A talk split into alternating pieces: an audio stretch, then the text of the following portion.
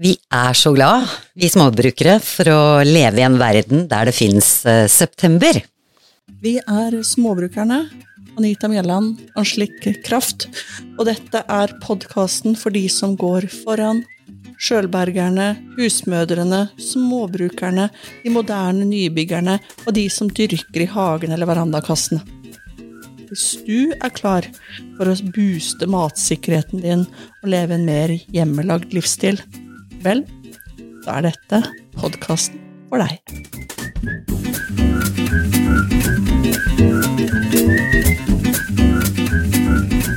Ja, du. September, du. Yes, Fortsatt sommer. ikke sant? Tviholder på den der sommeren. Ja, den, eh, ja, det er jo kanskje litt forskjell hvor man bor i landet, men eh, september eh, er for mange fager og varm og fin. Det kan være Det er utetid. Det er utetid, og det kan fortsatt være mange sånne deilige soldager og til og med ba... Du, i fjor Husker du hva vi gjorde i starten av september i fjor? Altså det første jeg tenker på var at vi plukket sinnssykt mye steinsopp i fjor. Det gjorde vi. Det var jo det steinsoppåret, men hva var det vi gjorde som vi ikke hadde gjort før? Vi var på festival. Vi var på Harvest-festivalen, vi. Det var vi. Og det var september. Stemmer det. Og det var ute på Portør. Mm. Og der bada vi. Til og med jeg. Ikke sant? Tidlig om morgenen, stemmer det. Mhm. Mm. Nei, september er nydelig. Så ingen grunn til å deppe og si «Å, det er høst. Nei, nei, nei, nei, nei, vi venter til oktober. Ikke sant? Oktober er høst. Da er det rett inn med pledd og te og fyr i ovnen. Ja, ja, ja. Men uh, september er gnistrende fin. Det blir tidligere mørkt, så man må bare nyte eh, timene man har tilgjengelig. Og det er jo, det er jo ganske mye som skal uh, uh, høstes inn nå, da. Ja, og det, det høstesesongen har jo vært i full sving eh, ganske lenge. Ganske lenge. Eh, og sånn som litt an på hvor du bor, men noen steder så er jo plommen, plommene helt ferdig, og andre steder så er det fortsatt eh, siste eh, plommeinnhøstingssekvensen. Du sitter her med noen eh, veldig lekre ek eksemplarer eh, på et lite fat her. Ja. Blå og rød plommer. ja, de røde er jo Victoria-plommene. Victoria. Aha. De blå er eh, eh, plommene fra bak uthuset. jeg vet ikke hva det er. Og jeg, jeg, jeg trodde helt fram til um, Helt fram til i år så trodde jeg det var noen sukkerplommer jeg hadde flytta fra foran huset. Som skulle være gule. Ja, de er gule, de. Skjønte ingenting. Så sa jeg til pappa, han bor jo i nabohuset, pappa, det er noe rart her. Det, skal, det er jo sukkerplommer jeg har fly- flytta, men, men de er blå. Kan det ha noe med pollinering av en Victoria-plomme å gjøre? Å gud, hvor teit går det an å bli? Måtte ta den omveien, ja, før du erkjente at uh... Og det, det er jo helt tåpelig, altså. Rød-oransje plommer kombinert med gule små blir ikke blå.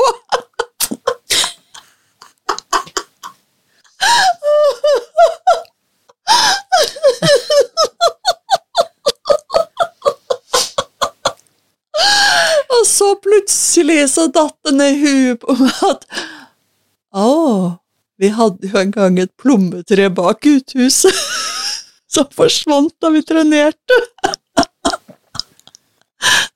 Pappa, var de blå?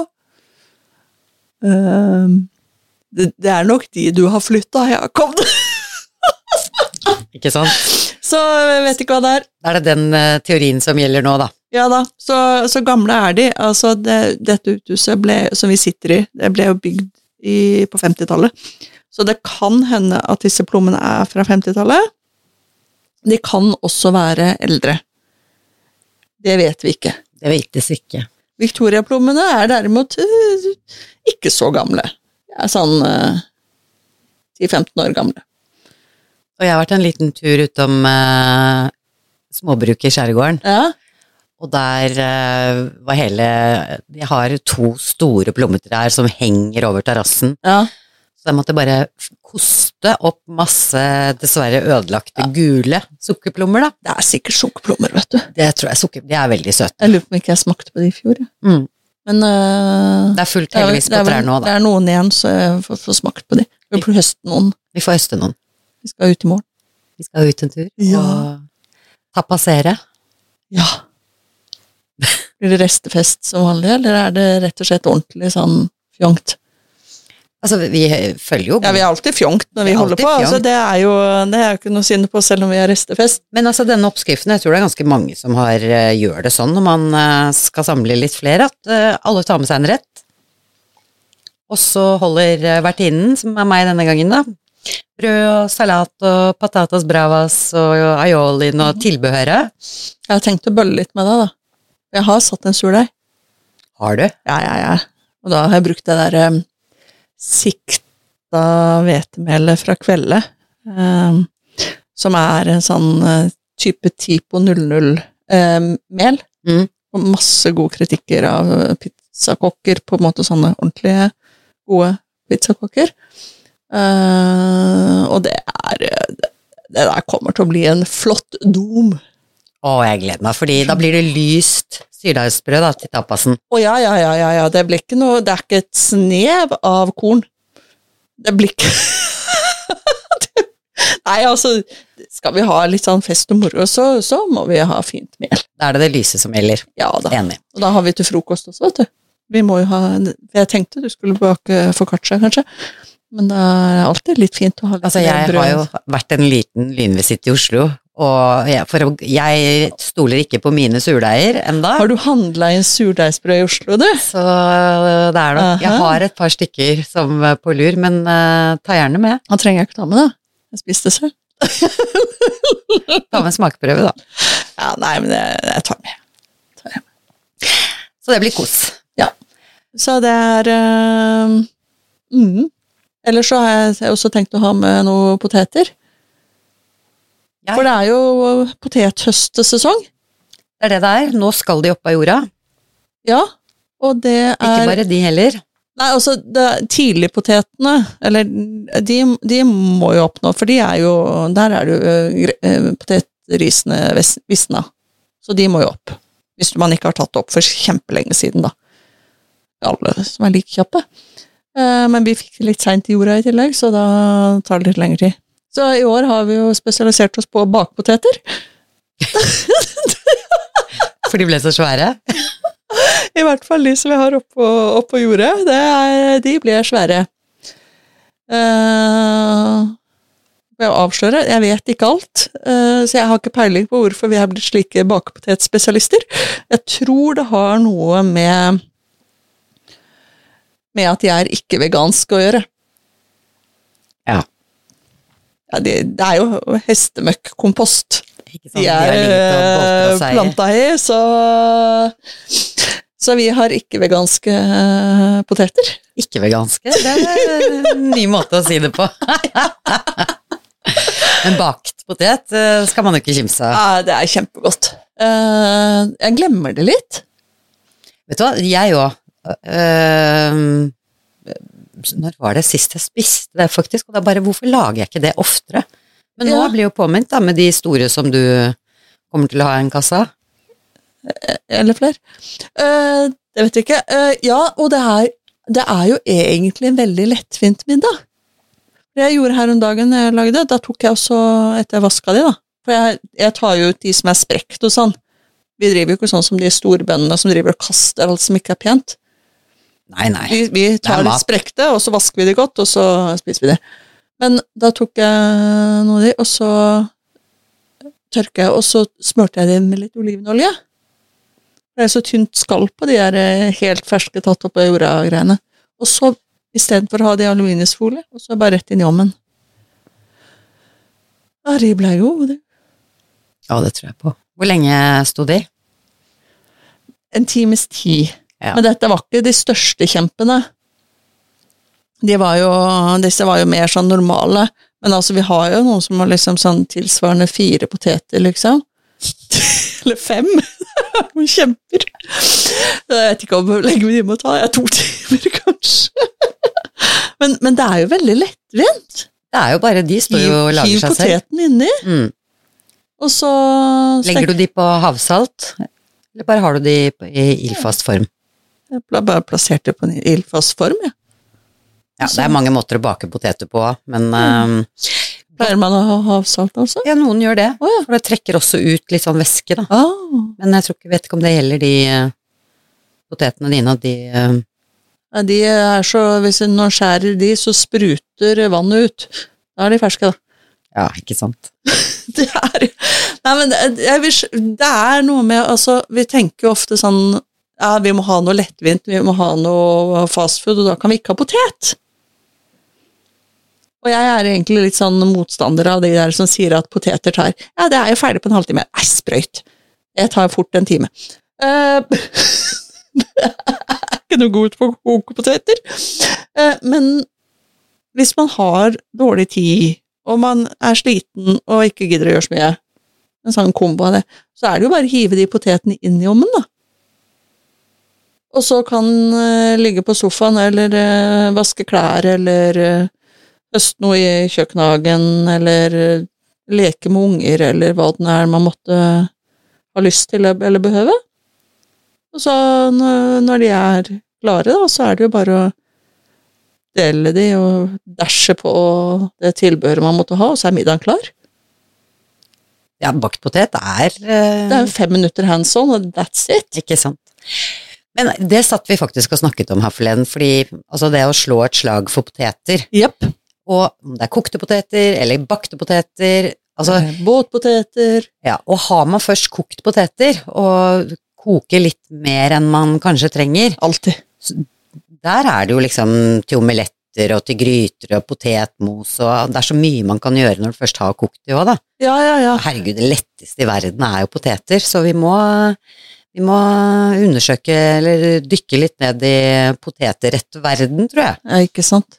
Stekte poteter i ister. Det har jeg nettopp lært at det egentlig heter det der som jeg kaller eh, altså svinefett eller eh, smulten og sånt. Mm. Det heter visst ister. Ister Ja, på norsk. gjør visst det. Ja, stekte ister. Den Lard jo syns jeg er hyggelig. ja. Ja. Eh, Men det er så sinnssvakt godt. Det er igjen for til vår venn grisen, da.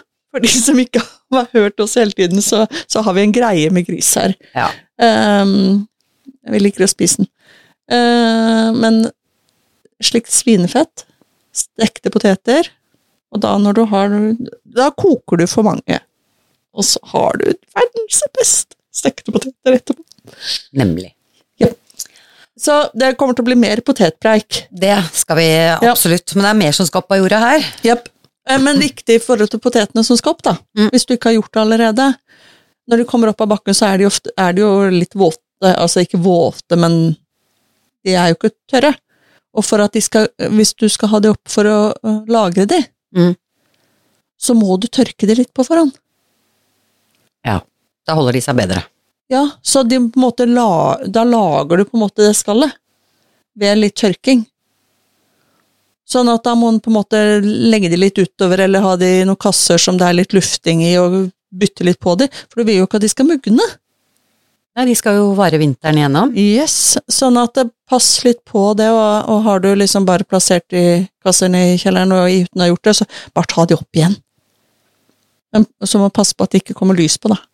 Så hiv over noe pledd og noen sånne ting, så de ikke blir grønne.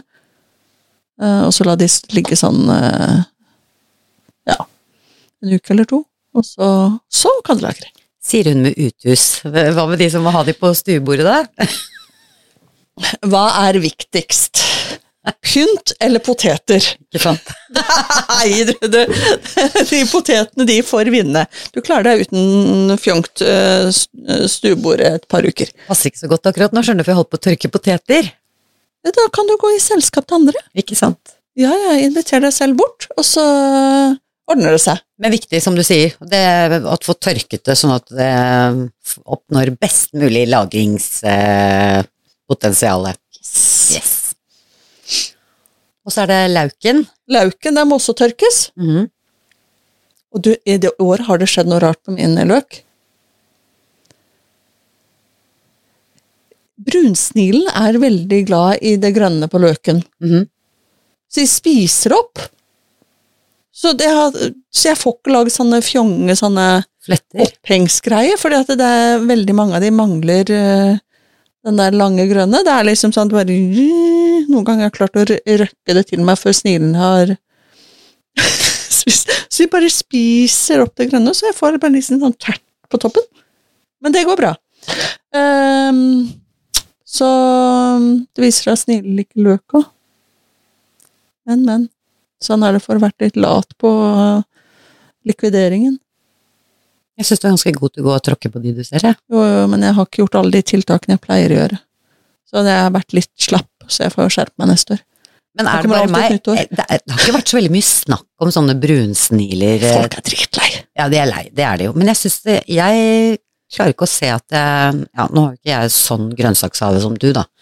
Men jeg har ikke vært eh, så plaget de siste årene. Det har liksom vært noen sånne år hvor det har vært invasjon. Ja. Nei, det, I fjor var det litt, uh, syns jeg det var litt eh, mindre. Jeg tror det er derfor jeg ble litt sånn slapp på bekjempelsen i år. Mm. Så, men uh, uansett, løken opp.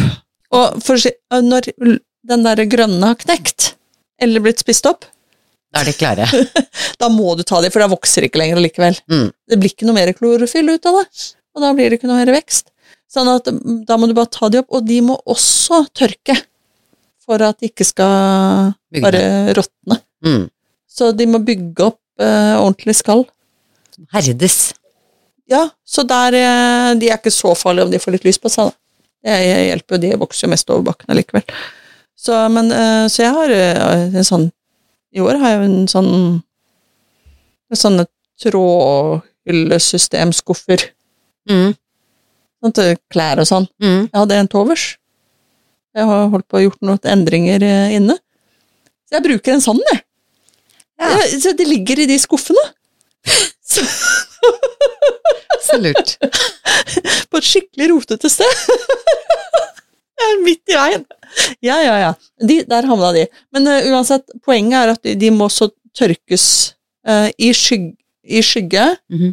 på et luftig sted et par uker. Om de ligger lenger, så gjør det ikke noe. Og da, når du har poteter, og når du har løk, da har du et godt startsted for eh, mye gode retter. Ikke sant? Da mangler vi bare sellerien. Men den er ikke klar ennå. Stangsellerien, hvis du er en sånn som gidder stangselleri, så, så er jo den klar, men uh, sellerirota kan den drøyer litt. Den drøyer litt. Men Ja. gulrøttene, Gulrøttene, de hører også med til klassikeren. De er, på, de er jevnt over klare nå. Hvis ikke du har sådd, sådd noen i august da, for å få noen sånne seine der òg. Det er umulig. Hvis du er så smart. Det var ikke jeg. Rakk ikke det. ok. så, men øh, Og gulrøttene, de, de, de er litt annerledes igjen. De skal ikke tørke. Nei. Vet du hva som skjer med gulrot som uh, tørker? Den, sånn, den blir jo bare slapp. ja. Mm. Vi har potente gulrøtter. Hvordan lagrer du dine? Jeg har en gammel uh, tretønne. Hun trenger ikke tretønne, altså. Da har du med en sånn kasse av noe slag. Kan sikkert ha bøtte òg. Og så er det um, fuktig sand. Ikke våt, men fuktig. Mhm. Så det er liksom et lag sand, og så legger man gulrøttene eh, i et lag, så de ikke rører hverandre. Og så nytt lag sand, og så gulrøtter. Som en sånn kake. Late som du er fire år igjen. Så de må oppbevares i sand. Ja, de må oppbevares For de må holde på fuktigheten sin. Ja. Altså, holder den sanden seg fuktig, eller vanner du den? Jeg er jo heldig, for jeg har jo kjeller. Ikke sant? Jeg har potetkjeller. Eller rotkjeller, eller jordkjeller, eller hva du skal kalle det. Og der er det kjellerklima, da. Der er det kjellerklima, så jeg er litt sånn bortskjemt. Um, men har man garasje, det er det mange som har, Mm. så går det an å sette i garasjen. Det er ikke verre. Så lenge det ikke er sånn at du, det fryser. Så det går an å putte det i en sånn en sånn kjølebag, vet du. Ja. Sånn, du, du, kan, du kan gjøre det hele greiene i en sånn klassisk kjølebag.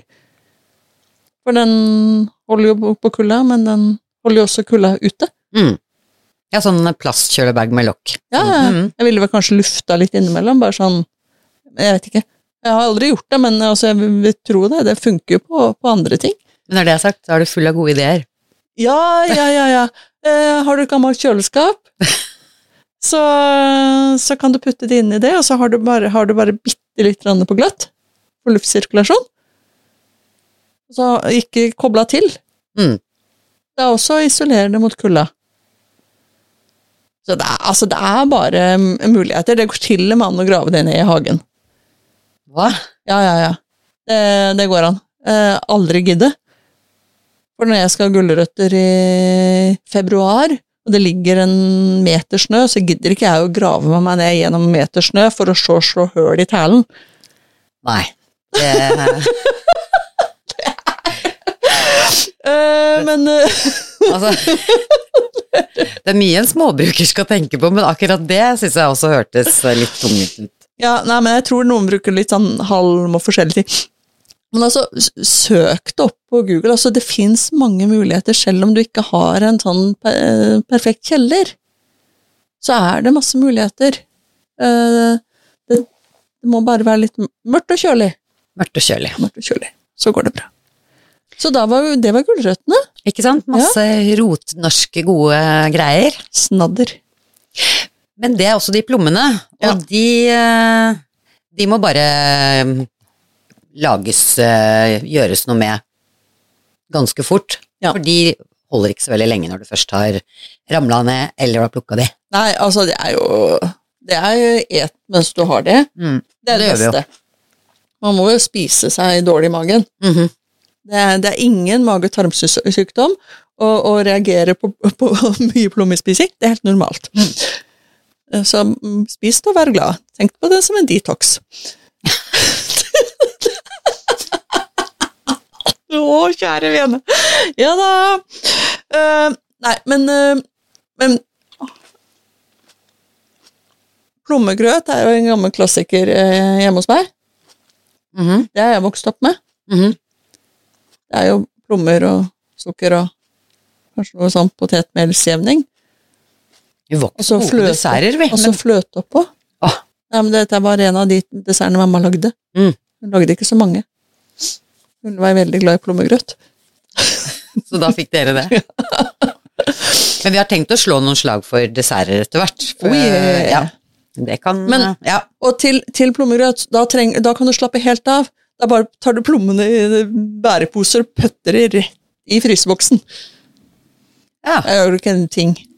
Eh, Så tar du bare opp de plommene du trenger til plommegrøten etter hvert. Eller syltetøy, hvis du har lyst på det. Sånn at du trenger ikke å ha panikk om at du ikke rekker å gjøre alt nå. Det går an å putte ting i fryseren. Ja. Takk og lov for fryseboksen. Det skulle gjort uten. ja, herregud, det er jo Øh. Men eh, årets eh, prosjekt hos meg er jo å hermetisere plommer. mm. Det er godt.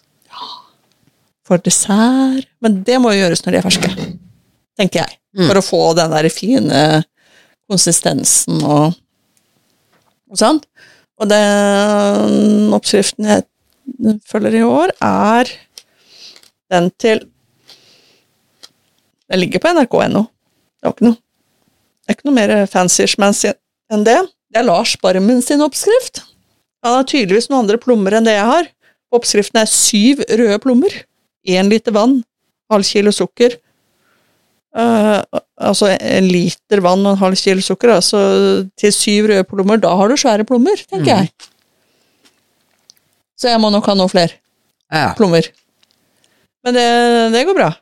Um, og da koker man sukkerlake, og så legger man plommene på glass. Jeg tenker å dele de, da, ta ut steinen. Mm. Og så fyller man på sukkerlaken, og så setter man på, på lokket. Og så skal- Nei, det er ikke så lett. Og så skrur man lokket lett til. Ikke sånn knallhardt, Mhm. bare sånn finger fingerhardt. Mhm. Ikke hent gubben fordi at han har sterkere fingre enn deg, bare forsiktig. Eh, og så tar du det i vannbad. Og så da koker du på den. Eller, du koker ikke opp først. Jeg pleier også å ta vann i gryta, og så heller jeg oppi et sånt kjøkkenhåndkle. Mm. Og så setter jeg glasset oppå der. Og så skal jo vannet gå over glasset. Og så koker det opp. Og så skal det stå småputter i 20 minutter. Og så tar du opp glasset. Og så setter du det på et kjøkkenhåndkle eller noe sånt på kjøkkenbenken. Og på oppskrift på NRK så står det 'skru til i ringen' og snu glasset for å sjekke om det er tett. Jeg pleier ikke å skru til da, for da pleier det egentlig å ha vært blitt um, vakuumert da. Jeg pleier bare å la det stå uh, til dagen etterpå. Uh, og så ser da. Ja. Det pleier jeg. Der er Lars Barben jeg er tydeligvis uenig, så man kan velge hvem man er enig i. Men det blir jo himla varmt, da. Så um, det er lurt å la det stå for seg sjøl. Så det er uh, Det er, det er plommene. Tenk deg dessertplommer fra eget tre eller naboens tre eller noe sånt. Som kan komme der og så ha en digg dessert i januar. Ja, det minner meg så mye om det du sa en gang, bare å hente fram de smakene fra sommeren Aha. i, til vinteren. Ikke sant? Når du driver der og så selvmedisinerer deg med prikk perikum-tinkturer fordi at for å få bukt på vinterdepresjonene, kan det hende at det hjelper like godt med noen eh, dessertplommer. Hvem vet? Så, um, så det var um, Og plommesyltetøy er jo plommer og sukker. Det var egentlig ganske godt. Det er det. Men, men man kan jo Det er jo noen som driver med sånne krydrer ting. Der er jeg litt mer sånn eh, enkel, jeg. Mange har jo liksom sånne krydderbaser hvor de har oppi kanel eller nellik eller stjerneanis eller en kombo eller et eller annet sånt. Det gjør ikke jeg. Nei, akkurat nå, eller hva skal man si, for er- det er en ting til jul og sånn også, kanskje, når, eh, hvis man har litt de krydderne i, men jeg Ja. synes de, altså man kommer lenge med den smaken og sukkeret. Ja, for jeg syns de er så gode i seg selv. Mm. Ja, det er, eh, men, det, men det må man jo velge selv, hva man har lyst til. Og det kan jo være hvis man har lyst til å gi en eh, julegave, da. Og så kan man lage plommechutney. Chutney, det er jo rågodt. Ja, det er godt. Jeg bruker det veldig lite. Bortsett fra mango-chutney når jeg er indisk. Har du noen sånn uh, chutney-favoritter? Mm. Nei, men jeg bare sitter og tenker på hva, altså, det er jo samme som eh, Nå må du prate, jeg spiser plomme. Ja. Eh, vi har, altså ikke, ikke til ikke noen chutneyer, men for eksempel stikkelsbær Mm. eh, og solbær. Altså vi har ofte brukt det, eh, altså mer sånn syltetøy, da, men Mm. hatt det til kylling og til lam og sånn. Mm. Men jeg tenker, det kan man vel sikkert gjøre med plomme òg. Ja. Hvorfor ikke? Ja, hvorfor ikke? For det er litt sånn en greie at vi er, vi er så innarbeida i de der tingene som vi, er, vi har fått med oss fra oppveksten vår. Eh, om hva vi spiser og hva vi ikke spiser og sånt. Det går jo, går jo mye på det. Og der, der er jo noen av oss heldige, for vi har jo stort sett fått matlag fra bånn av. Eh, tenk på de som kommer fra hjem hvor de er vant til at alt kommer fra uh, takeaway, uh, sånne mikromat, kjøpebokser osv. Det er jo de, deres vaner. Da er det jo vanskelig å bryte. Når vi til og med sitter her og liksom lurer på kan vi bruke plommesøltetøy til kjøttkakene. Vi vet ikke, vi har aldri prøvd. Ikke, altså, Ja, det men akkurat den muskelen der blir jo ganske øh, Får trent seg litt når man driver og dyrker, for da er det jo litt sånn hva er modent nå? Og det å Men det er ikke alltid at den gjør det likevel. Det er sant, men det syns jeg vi skal Altså, det er jo Ja. noen ting som fungerer veldig bra sammen, Ja, ja, ja, det er Det- noen hellige treenheter ute og går. så man bør ikke slutte med det, men uh, uh, Det går fint an å eksperimentere litt mer. Ja, Og ja, nå blir vi jo hva da, eksponert for og introdusert for eh, matoppskrifter og matblogger eh, all masse eh, overalt, så mm, det går an å teste litt nye ting. ja, og om det ikke er godt da, for vi holder oss til plommene akkurat nå. Hvis du tar en skje plommesøltetøy og setter det inntil um, fårikålen Nå tok jeg bare noe som Ja. var veldig far out for min del.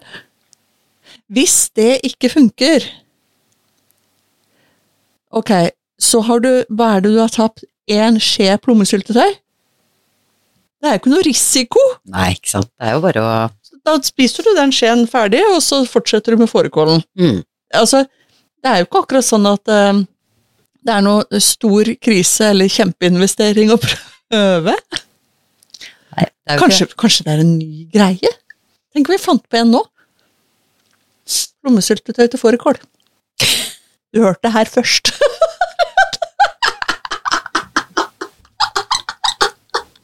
Jeg skal minne deg på det når uh, gryta er ferdig. gjør det. uh, gjør det. Uh, vi prøver, vi. Så her skal vi se, nå, nå surra vi oss helt inn i disse plommene og de merkelige greiene. Men, men poenget var jo litt her var jo å prøve nye måter å, sette, sette de tingene vi høster sammen Mm. med. Altså har du tatt en fantastisk plomhøst, for eksempel, øh, og har mer plommesøltetøy enn du tror du klarer å spise på brødskiver, eller cornflakesen, eller hva den er du tar det med, da gjelder det å prøve, prøve seg fram. Ikke sant. Men jeg tror allikevel at eh, igjen, da, så har jo altså både i bakst og i desserter så har jo eh, skal de plommene få bein å gå på. Ja, ja. Det er bare, for det er det Vi kan jo nesten snakke litt om det nå, at det, det med å innføre dessert igjen, mm -hmm. yep. det har mange Det har mye for seg. Hvis du er en litt sånn derre søtmoms, bare droppe å kjøpe godteri, og heller begynne å spise dessert hver dag. Ja, og da spiser man jo desserten til et, altså man, Da spiser man det søte til et måltid. Da blir det ikke den der eh, spise 1500 ganger i løpet av dagen. Men da, er liksom, da har du spist frokost, og så har du spist øh, lunsj, og så har du middag med dessert. Kanskje du til og med har en liten dessert til lunsjen? Ja, hvorfor ikke? Uh, men uh, da er det det man spiser. Mm. Og så spiser man ikke ellers. Og det, det tror jeg er lurt. Og det er jo, jeg har jo drevet med litt sånn småeksperimenter uh, i sommer. På å prøve å kutte ut Kutte ut ting. Ok. Ja, du vet at jeg, jeg er jo søtmonster og sukkeravhengig.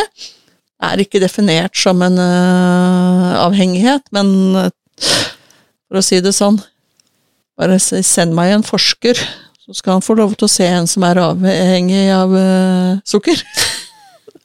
For skikkelig abstinenser. Um, og det er så, s- Det gikk greit. og så jeg tenkte at jeg skulle gi meg sjøl muligheter. Jeg kunne spise sånne ting som har lagd sjøl hjemme, Ja, for det er det jeg skal fram men ikke kjøpe Ja. kjøpesøtten. Mm. Og det var litt fascinerende, fordi at det, etter et par uker så, så havna jeg på smågodtet. Da var det ikke så godt. Nei, ikke sant, for hadde du kost deg med den hjemmelagde is, og Jeg hadde bakt eh, cookies, og jeg hadde ja, rett og slett eh, gjort sånne ting. Men så ramla jeg på en alvorlig smell, så er jeg tilbake på kjøret igjen. Men eh, jeg, jeg har ikke tenkt å gi opp, så dessert eh, Jeg må finne ut en måte sånn at jeg, jeg alltid har dessert. Det tror jeg, skal, det tror jeg er eh, vel verdt et forsøk. Ja, og som du sa, du, det føltes jo Det funka jo en stund. Du fikk jo Mhm. Ja. Og ut ifra litt sånn sjølbergingsperspektiv, da, Mhm. så er det kos å stå og lage og holde på, og det lukter godt, og jeg tror den derre skillingsbollen du har bakt eh, Ja. Det er liksom litt mer mat rundt det, da. Det er jo det. Og så går det an å fryse ned desserter også. Mhm. Altså Det går an å hermetisere, sånn som vi snakka om de plommene. Mm. Da trenger man jo bare å piske opp litt fløte, så har man det, eller bare mm, Yoghurt, kanskje, sammen med? Litt hjemmelagd yoghurt eh, sammen med de dessertplommene?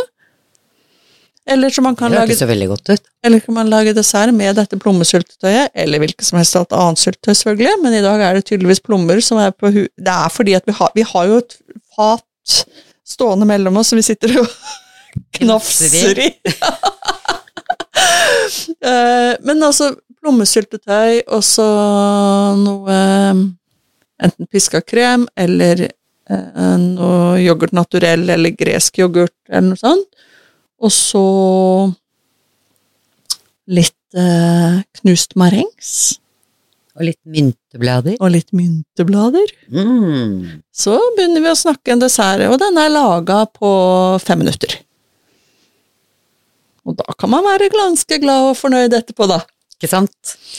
Men du, vi snakker om plommer, men uh, i denne lille hundeverden så må man jo også litt uh, ut på tur. Ja. Og der er det jo andre bær. Der er det bær.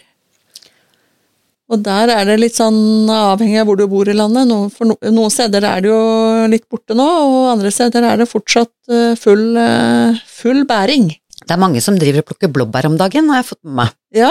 Både sånne dyrka og i skogen. Mm. Det er litt på hell her eh, på Kragerø-traktene, men jeg fant eh, et sted som ikke er sånn overeksponert av sol.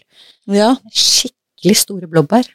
Så det spørs om ikke det blir en del av tapas. eh, Oh. Ja, jeg må Du- finne på noe med de. Det blir dameselskapet med blå tenner. Alle tror vi har drukket himla mye rødvin. Det har vi sikkert også. Kanskje. Men i hvert fall skje. blåbær, Blåbær er tyttebær, Ja. de er modne. Ja. Og så er det jo for alle de multeelskerne, da. Eller er det ferdig? Nei, Ikke peiling. Jeg, liker, jeg er ikke noe glad i multer. ikke jeg heller så veldig, men jeg tror det er uh... Litt over. Eller at det er litt rundt nå. Ja. Det kan være. For det er jo sånn som her i våre trakter, så må man gjerne på fjellet for å få tak i det. Ja. Det vokser ikke multer her. Nei. Der, der, der har vi ikke så stor ekspertise. Multene. Og det er jo sikkert multeelskerne glad for, fordi at da um, tar ikke vi de. Nei. Da tar ikke- vi de. Nei. Men multer er jo en eh, greie for veldig mange. For veldig mange. Ja. Ha multer til jul, det er liksom veldig tradisjon for mange. Ja. Og de er jo sånne som holder kjempelenge uten noe konserveringsgreier. Ja, de gjør det? Ja, ja, ja. Det er akkurat sånn som uh, tyttebæra. Ja. De har også masse sånne ting i seg som gjør at de, de holder veldig lenge. Tranebær og i samme gjengen. Åh, rørte tyttebær. Rørte tyttebær er veldig godt. Det er veldig godt. Og svenskene er jo gode på en ting. Det er tyttebær. Det er tyttebær. Er det lingon de sier? Ja. Og tyttebærsaft. Det er veldig godt. Jeg hører du si det. Ja, de selger det på Ikea.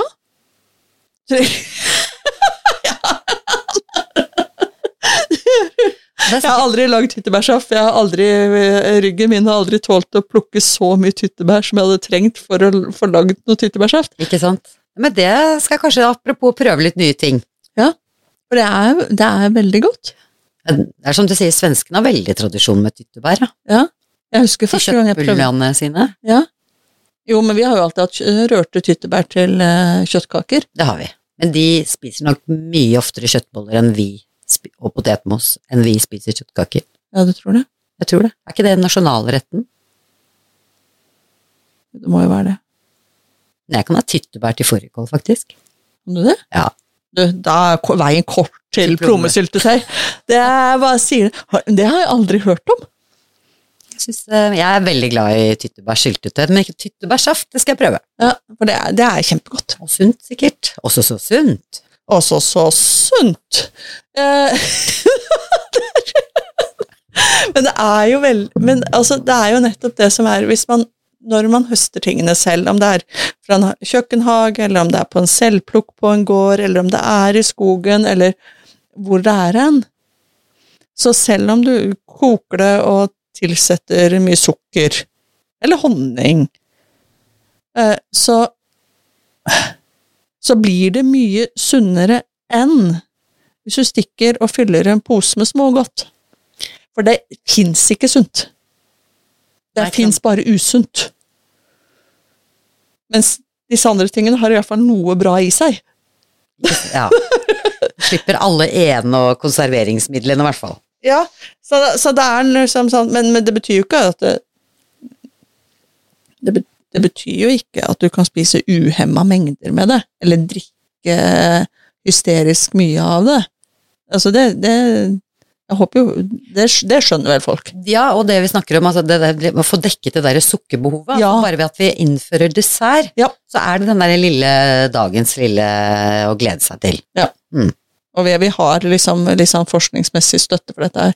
Marit Kolby har akkurat slår et slag for den daglige dessert. Hun gjør det, ja. Ja. Ikke sant. Så vi, vi, vi, vi, Vi støtter, hiver oss på den, vi støtter vi, vi bruker hun som faglig alibi her. ikke sant. vi vil ha dessert. Men det er også litt morsomt. Vi I forrige episode så hadde vi jo Hedda fra Mm. Bønseter på. Eh, og hun gjør akkurat det samme. De spiser dessert hver dag.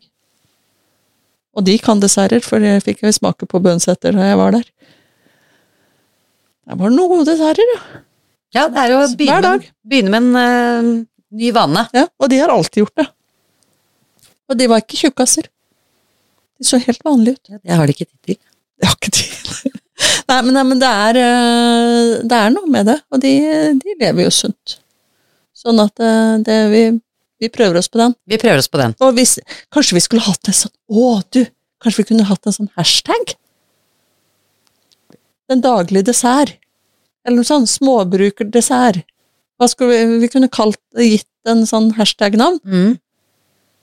Sånn at så kan alle legge ut eh, sin bilde av sin daglige dessert. Det var en god idé. Hadde ikke det vært litt gøy? Det var så- gøy. så, for da har vi en sånn eh, Dagens dessert. dagens dessert. Skal vi sjekke om den er eh, Tror du den er i bruk? Nå sjekker vi. Det kan kanskje hende, men i hvert fall det er jo også til inspirasjon, da. Ja, for da, da kan den jo få sånn eh, innspo til hva man kan lage hvis den ikke kommer på noe Mm. Skal vi se, nå søker jeg på hashtag dagens dessert. Ah, der er det over 1000 innlegg. Um, nei, så sto det Og så er det en med hjerte bak. Um, så så geniale var vi ikke. Uh, men ehm, Nei, men min dessert, eller Det kan vi jo gruble litt på, da. Så kan vi um, For det syns jeg var en veldig god idé. Uh, vi, må, vi skal, fin, vi skal finne, finne en hashtag som blir eh, på en måte småbrukernes eh, dessert. dessert-hashtag-challenge-greie. Småbrukerdessert. Det er, den er ikke brukt, vet du. Småbruker dessert Ingen resultater. Da blir det den. Småbrukerdessert. Småbrukerdessert. Småbrukerdessert. Den er, eh, den er ledig. Den må vi lounge. Så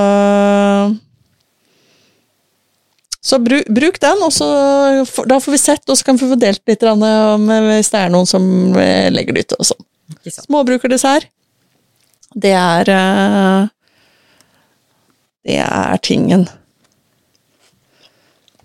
Og her gomles det, men i skogen er det ikke bare bær heller. Det er jo mm, mange gode sopper som eh, hopper opp om dagen. Oh, yeah, yeah, yeah, yeah, Nå er det trakkantarellen Ja, og piggsoppen. de er gode. Har du fått eh, plukket noe steinsopp i år, du, da? Nei, to. Jeg har ikke vært på så mange soppturer heller, da. Nei, ikke jeg heller, bare sånn luftespott i skogen, så jeg har plukket med meg Ja. steinsopp sånn fem-seks de gangene jeg har eh, liksom gått en tur. Ja. Og Jeg finner en del kantareller, da. ja, det har jeg sett eh, noen har lagt ut Og- eh, uhorvelige mengder av. Jo, jo. Der er stuebordene fulle av kantareller. Ja, men så, så, så grådige er ikke vi. Nei, men, men litt kantareller er fint å få med seg, og det, det er det jo fortsatt. Åh, Så sopprisotto, sopp på pizza, sopp i gryter.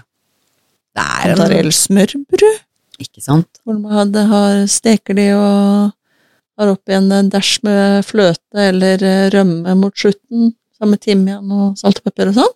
Oppå noe brød og inn i ovnen, eh, kanskje med noe ost oppå i tillegg, bare for å toppe meierimengden. Vi sitter på et litt annet tidspunkt i dag og prater enn eh, Nei, bare minner dere på, eller ikke minner dere på, jeg må bare si at det er før middag, dere, men er, Begynner å bli alvorlig å bli sultne her. Prater oss helt bort i masse digg mat. Eh, Men, men det er jo Vi må høste eh, og bruke det, og samtidig så må man huske på, hvis man tar det i fryseren, at man må bruke det. det er sant. Så Og det òg er jo faktisk, eh, det har jeg hørt flere har snakket om i det siste, at de har en sånn eh, rydder i kjøleskapet-uke. Mm. Altså de, de, det er ikke noe handling, nå skal vi spise oss ut av kjøleskapet. mm, Og det syns jeg også, eller når det gjelder fryseren også, for det er veldig lett å legge i fryseren, og så burde man kanskje ta seg en tur oftere innom den først. Ja, altså, så man ikke ender opp sånn som meg, med at du spiser fjorårets steinsopp eh, når inneværende års steinsoppsesong er i gang. Jeg skjønner ikke at du klarer å vente Ja, men jeg glemmer det. Ja, du glemmer det. Uh, og det er, det er teit. Uh, det, er, det er ikke noe annet enn å si enn det, er det ikke det? det er tullete, det er meningsløst. Det er overflod. Ja, ja, det, det er det også, men eh, Så Men hvis man tørker soppen For det første så varer den kjempelenge. Det gjør den jo. Men det andre er, og det er litt gøy, for det, at det er en ting er man kan uh, hydrere den opp igjen. Vet ikke hva det er det det heter. jeg. Man legger, det uansett i vann også over natta, også før man kan bruke det. Mm. Og det er viktig å bruke, bruke det vannet også, da. Ja, det er jo Det er nydelig mest som kraft. smaker. Mm. Men det man kan gjøre, er at man kan ta det i morteren, eller kaffekverna, Mhm. Og så kan man bruke det som krydder, tørt, som det er. Og da har de mye lettere å bruke. Ingen forberedelser. Men den gode smaken Så får du all den gode smaken. til sauser. Åh, Til mm. sauser, og på pizzaen. ikke sant. Eh, hvor som helst hvor du trenger litt den der soppsmaken, altså umami-smaken og alt mulig sånn, Mm. så drysser du det i. Og da, vet du, kan du sprite opp sjampinjongene fra butikken. Med litt sånn kantarell, eh, tørka kantarellkrydder. Vet du hva, det burde man faktisk gjøre med litt av beholdningen sin, når du sier det du sier nå. Å Mm. ha soppkrydder. Det Ja. er jo sitt eget krydder òg. Ja. Eh, ikke bare tørkede urter og sånt. Det mm, Så tar det mindre plass, kjempetips. og så er det ikke avhengig av elektrisitet, Og så varer det lenger. så varer det kjempelenge. Se der. Godt tips. Så, men du, har vi, vi begynner å vi, vi har bestemt oss, vi skal ha noen sånne et par poster. Vi har hatt litt sånn Tidligere sesonger så har vi hatt sånn Vær god med deg selv-greie. Mm. Uh, Og det skal vi jo fortsatt være. det, forts det, vi skal fortsette med det. Vi bare tar en liten vri på det.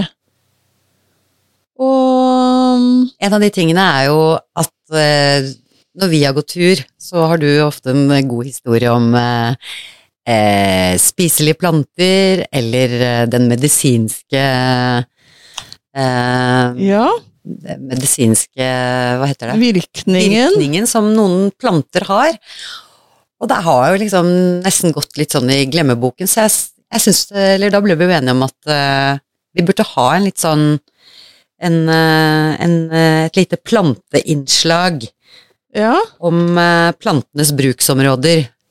Altså av hva vi kan Det som vokser vilt, da. Av hva vi kan eh, Både hva vi ser i veikanten, og hva vi kan plukke med oss og bruke. ja. Og forrige gang så nevnte vi groblad.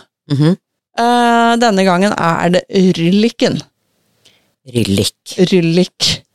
Og det ryllik er, vokser overalt hvor det, folk eh, vanker. Det er den hvite. Den er en sånn hvit blomst. De fleste har sikkert plukka den til sånne blomsterbuketter. Mm. Sånn når man tar sånn grøftekantbuketter. Ligner på litt sånn brudeslør.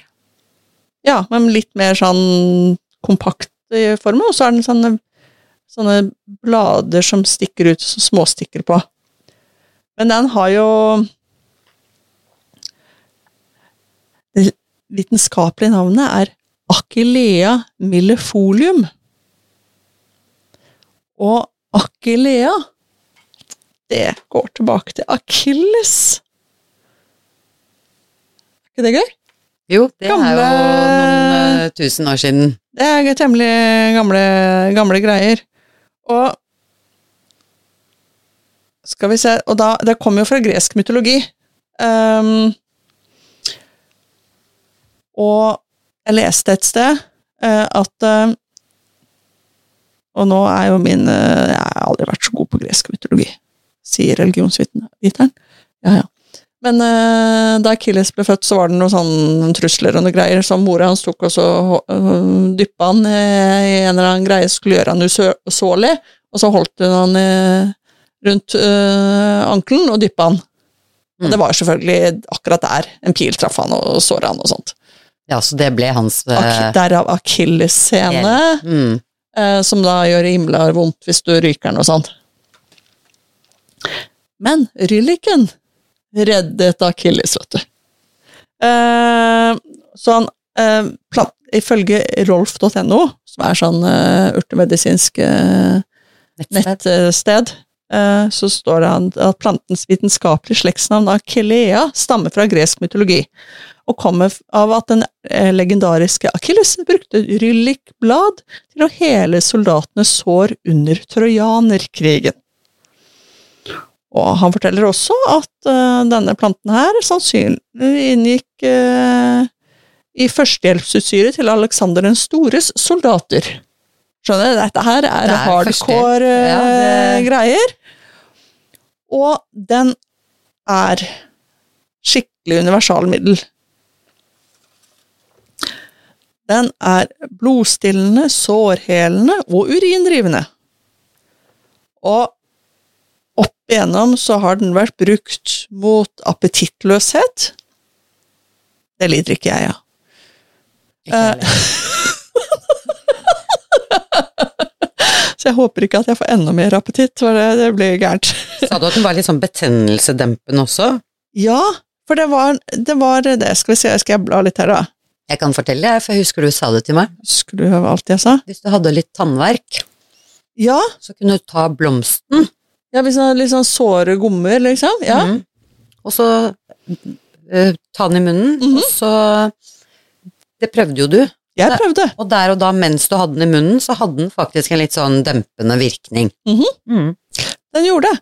Og det vokser overalt. Overalt. Så ifølge Rolf, da, så er den krampeløsende, muskelavslappende, astringerende, altså sammentrekkende, antibakteriell, sårhelende, blodstillende, blodrensende, slimløsende, svettedrivende, febersenkende, åpner de perifere blodårene, blodtrykkssenkende, blodproppforebyggende, mildt urindrivende, antiseptisk på urinveiene, menstruasjonsregulerende, betennelseshemmende, antihistamin, nervestyrkende og bittertonikum, som virker appetittvekkende og fordøyelsesfremmende, annet ved å fremme lever- og galleblærefunksjonen. Huh. Jeg kommer til å tenke som så, at hvis jeg er ute og går på tur, Ja. og så går jo ikke jeg med plaster i lomma, Nei. så enten finner jeg et groblad, eller så finner jeg en Rylyk, Ja. og så bruker jeg det som førstehjelp. Ja. Og det er liksom Hvis det er eh, Det er der. Og man kan bruke både blomsten, man kan bruke, bruke bladene og stilken og hele pakka. Og så bare krøster man det sammen, og så tar den det på der hvor man har fått et sår. Ikke sant, og veldig mange medisiner er jo Altså, det er jo fra plantene vi har hentet Ja. mye. Så det er gøy å vite at rylliken, som egentlig ja, bare står der og vaier i vinden, har eh, masse mer for seg. Den smakte ikke så veldig godt, sa du? Man kan jo Eh, tørke den og lage te òg, men eh, den var ikke sånn spesielt god. Men den er visst god som krydder. Men du vet at når jeg stappa en sånn god klump som så ut som en sånn uh, håpløs tenåring som, fra, som pakka sin første gedigne snus, og trøkka ned i Mellom leppa og tannkjøttet, det, det ble jo litt intenst. Ja. så, så det kan jo vært noe med mengden. Men Nei, det skal være Men jeg har prøvd litt mindre. Mm. Og det, da er det ikke så dum smak, altså. Så jeg har stor tro på at den kan brukes um, Brukes som et krydder også. Men jeg vet ikke til hva, så hvis det er noen som har prøvd ryllik som krydder, så vil vi jo gjerne ha, ha inn tips om det. Og det morsomme nå- Send gjerne DM på det på Instagrammen til oss, sånn at eh, så, så leser vi det opp, vi. Det setter vi pris på. Ja, det hadde vært veldig gøy. Og det, og det morsomme med det er jo nå Nå ser jeg jo rylliken overalt, fordi at jeg vet det. Så det er liksom noe med å bli Ja, få utvida litt eh, biblioteket sitt, da. Ja, og, og hvis du tenker at hm, har hun kunnet det der lenge? Nei, nei, nei, nei, nei. Lærte nå i sommer. Ok, Og flere kommer, Og flere lyttere. kommer, sånn at dette her er jo kjempe, kjempegøy uh, å lære litt mer. Og så er det lurt å lære om én om gangen. Og derfor nå har du en uke på deg til å lære deg rylliken. Mm. Og så finner vi en ny til neste gang. Allerede nemlig hinta litt om en. Så, så det er det. Og så De ville vekstene er jo det mest næringsrike og potente tingene vi har. Og det meste kan spises. Eh, veldig få ting som er giftig og farlig. Eh, det er ikke alt som er godt, men de er ikke farlige. Så just eat it er, kan være en sånn eh, mantra for man skal ut i Tråkke rundt eh, i skogen eller på stien og sånn. Ikke sant, men da har jeg faktisk et lite tips. Det er en app som heter um, Artsorakelet. Ja, Og da tar man, den laster man den ned, ja. så tar man eh, bilde, og så identifiserer dette oraklet hva dette her er. Eh, eh, Så Mhm. får du litt historikk og litt sånn forskjellig, så hvis du er eh, Ja, når du sier at det meste er jo faktisk ikke giftig, men det er kanskje greit å vite litt hva du putter i munnen, da. Ja, altså skjermblomstfamilien, som for så vidt rylliken også er en del av, men den er lett å kjenne igjen.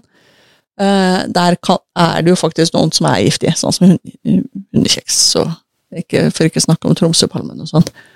Eh, men eh, Men det er sånn jeg har blitt obs på veldig mye, for Ja. den Ja, som regel har vi jo den mobilen i baklomma, da. Da husk, er det mm. ry- rylliken er liten, sånn at du, det er ikke til å forveksle med de farlige. Nei, ikke sant, du ikke blir Ja, sånn sett, ja. Den er veldig lav. Så, men nei, men du, det, den appen er jo, øh, er jo et godt tips. For det er litt sånn, vi tenker vi har litt lyst til å gi dere noen sånne kunnskapsgivende verktøy. Ja, både til oss selv og dele det med dere. Ja. Så Eh. ar- hva, en gang til, den der det het Den heter Arch. Artsorakel. Jeg skal se om det er Artsorakel. orakelet eller orakels. Let me see.